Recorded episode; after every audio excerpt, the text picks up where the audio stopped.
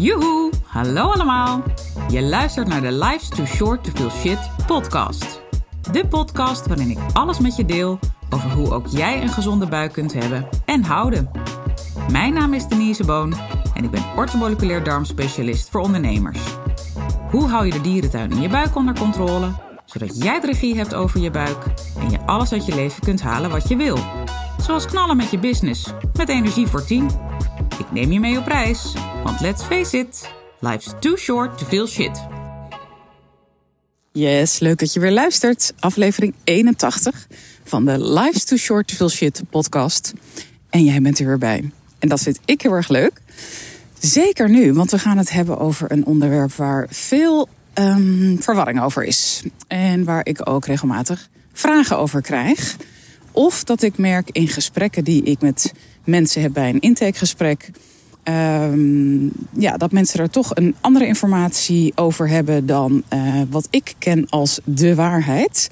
En dan moet je natuurlijk altijd heel erg uitkijken met de waarheid, want het is mijn waarheid. Maar alles wat ik doe is gebaseerd op wetenschap.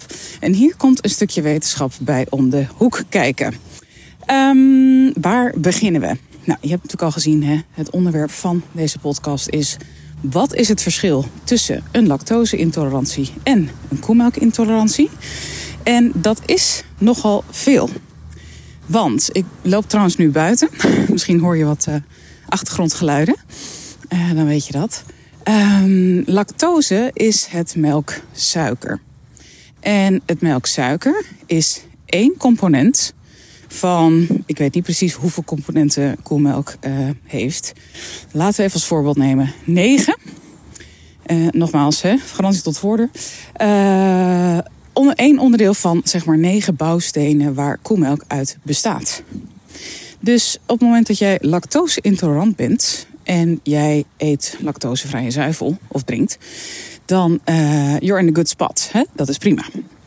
Maar als jij een koelmelkintolerantie hebt en je gaat lactosevrije producten nuttigen, dan ben je niet in de right spot. Want er zijn dus nog zo'n acht componenten, acht bouwstenen waar koelmelk uit bestaat, waar jij wel degelijk op kan reageren en wat maakt dat jij een koelmelkintolerantie hebt. Niet per se een lactose-intolerantie uh, hebt. Het kan ook zijn, heb je helemaal een double whammy te pakken, dat je en voor lactose een intolerantie hebt en voor koemelk, als zijnde het hele uh, product. Uh, en misschien helemaal ook nog, om het helemaal compleet te maken, een caseïne-intolerantie. En caseïne is een uh, ander, andere bouwsteen. Dat is namelijk het eiwit waar, wat in koemelk zit. En ook hierbij, je voelt hem al aankomen, kun je dus een intolerantie voor de caseïne hebben. En als je dan lactosevrije producten nuttigt, ja, dan kun je er nog steeds op reageren. Omdat je namelijk een heel ander component weglaat dan waar jij een intolerantie voor hebt. Ik hoop dat je me nog volgt. Ik denk het wel. Maar we gaan het nog even iets complexer maken. Want ik heb nu wel al antwoord gegeven op de vraag, hè, het onderwerp van deze podcast. Maar er is nog veel meer te vertellen over koemelk. Ik kreeg namelijk op Insta DM, naar aanleiding van deze vraag van een uh, volger van mij, daarna de vraag: maar hoe zit het dan met geiten en schapenzuivel? Kan dat dan wel als je een koemelkintolerantie hebt? Nou, dat gaat vaak wel goed, omdat er sowieso al een ander eiwitsoort in zit. Koemelk heeft caseïne A1 en uh, schapen- en geitenzuivel heeft caseïne A2. Nou, A1-zuivel, zoals dus koemelk, bevat uh, ontstekingsbevorderende eigenschappen. Dus op het moment dat jij bijvoorbeeld een ontstekingsreactie in je darmen hebt en jij nuttigt koemelkproducten, dan is het als olie op het vuur. Hè? Je wakkert echt je vlam aan. Er zijn trouwens nog veel meer voedingsmiddelen die dat uh, doen of kunnen doen. Uh, maar dit is een hele belangrijke. Caseïne A2 doet dat niet. Dus in die zin is het voor heel veel mensen al veel gezonder om geiten- en schapenzuivel te nuttigen dan koezuivel. Nu denk je misschien, ja, maar dat is toch helemaal niet lekker. Ik, uh, mijn mond trekt al weg als ik denk aan geitenmelk, zo zuur. Um, with you on that. Maar schapenzuivel is bijvoorbeeld veel minder zuur. In ieder geval in mijn uh, beleving. en benadert de smaak van koezuivel veel meer dan geit doet. Dus als dat zure je tegenstaat, probeer eens een keer schapenyoghurt. En lekkere schapenkaas. Hè. Zowel harde als zachte kazen zijn heel erg uh, lekker, vind ik, op basis van schapenmelk. Nou, goede geitenkaas kun je me trouwens ook uh, nou, niet voor wakker maken, want je mag me nergens, nergens voor wakker maken. Maar nou ja, vind ik ook heel erg lekker. Maar goed, that's me. Uh, maar ik kan me wel heel erg goed indenken dat dat zure van geitenzuivel dat dat wat minder aanspreekt, laat ik het zo zeggen.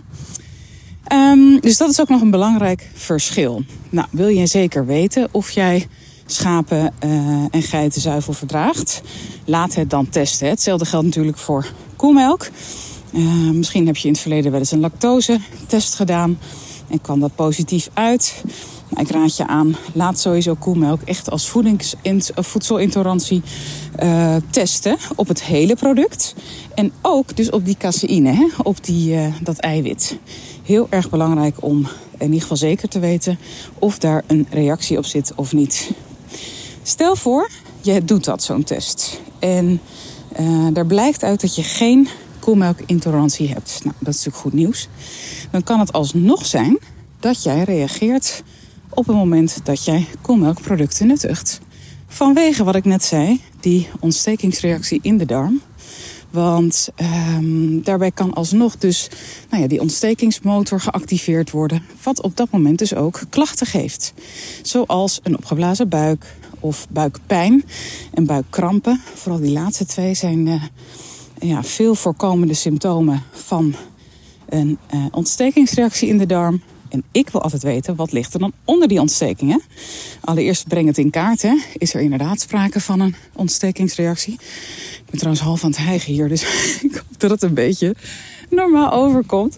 Maar ik merk dat ik een beetje hard aan het wandelen ben en kletsen en alles tegelijkertijd. Nou ja, dan moet je me maar even vergeven. Uh, want het onderwerp, daar gaat het natuurlijk over. Uh, maar dat maakt dat je dus alsnog kunt reageren op uh.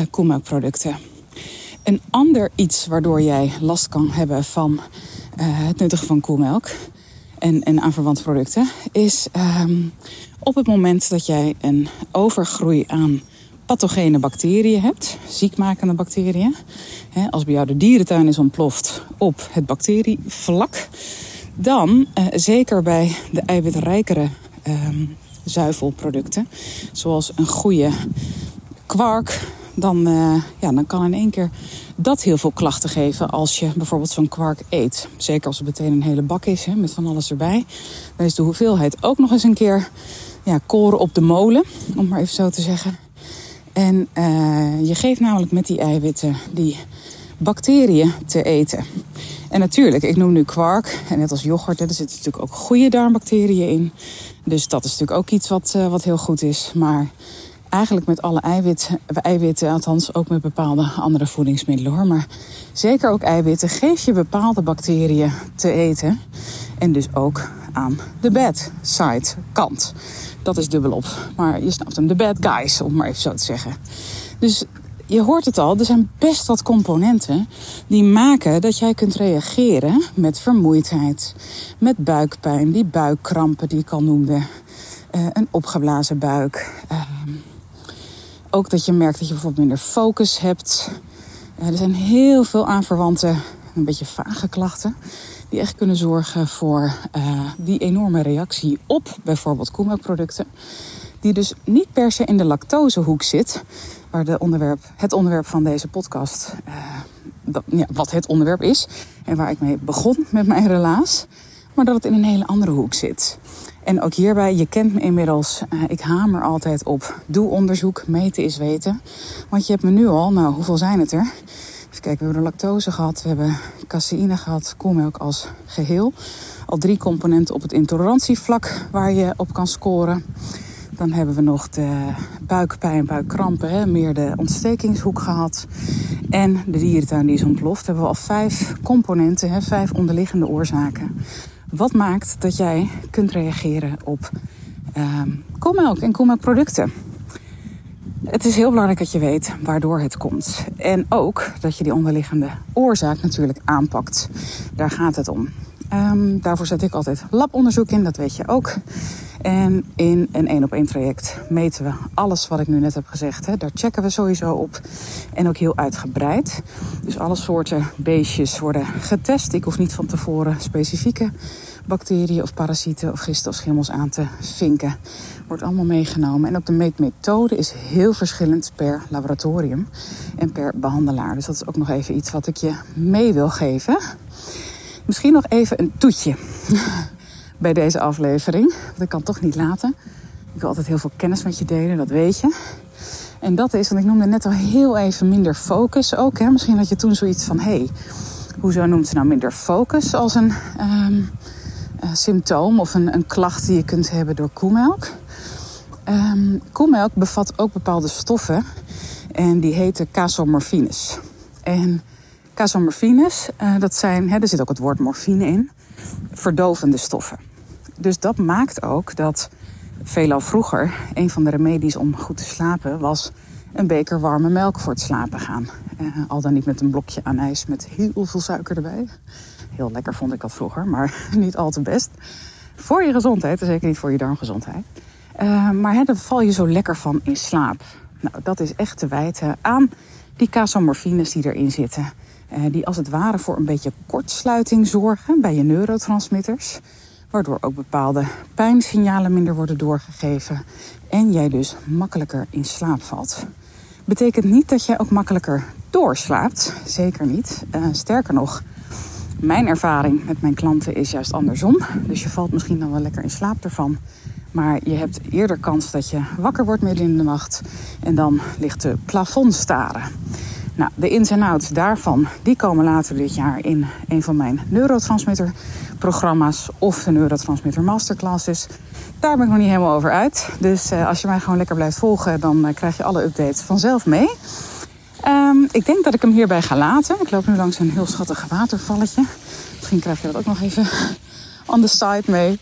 Uh, ik ga het hierbij laten. Veel dank weer voor het luisteren.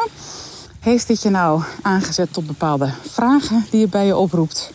Uh, of feedback die je met me wilt delen? Altijd welkom. Stuur me even een DM via Instagram. Ik reageer, nou, in principe altijd, maar laat ik zeggen nagenoeg altijd. Je zal zien dat ik net een keer er één mis, maar dat gebeurt niet vaak. En uh, ga alsjeblieft niet hele lappen tekst sturen met hele levensverhalen. Dat, uh, niet dat dat vaak gebeurt. Maar soms zijn er enthousiastelingen die daar zich heel erg toe geroepen voelen. Uh, maar als je een korte vraag hebt, of je feedback met me wil delen over de podcast, of dat is, je heeft aangezet tot nadenken en tot voelen, en misschien ook wel tot actie, dat is natuurlijk helemaal mooi, dan vind ik het altijd onwijs leuk om te horen. Dus bij deze de uitnodiging. Nou, tot de volgende. Ik ben benieuwd waar die over gaat. Dat heb ik nog niet besloten, maar het is altijd weer een verrassing. Je weet het nooit bij mij. Ik uh, ga nu echt afronden. Dag! Toppers, bedankt voor het luisteren. Leuk dat je er weer was. Smaakt dit naar meer? Abonneer je dan even op mijn podcast. Zo zorg je ervoor dat je geen enkele updates mist en dat jij volledig up-to-date bent over hoe jij je buik gezond houdt with fun and ease. En als mijn afleveringen waardevol voor je zijn, laat hem dan even weten. Vind ik leuk. Je maakt me het meest blij met een korte review via iTunes of Spotify. Alleen het aantal sterren aangeven dat jij de podcast waard vindt is voldoende. Je kunt me ook taggen via Instagram. Bijvoorbeeld door een screenshot te maken van de aflevering en die via je verhalen te delen. Met beide dingen, zowel de rating als de screenshot van de aflevering, maak jij kans op een histamine maandmenu kookboek te waarde van 97 euro. De winnaar maken we bekend in de eerste podcast van de maand. Tot de volgende keer!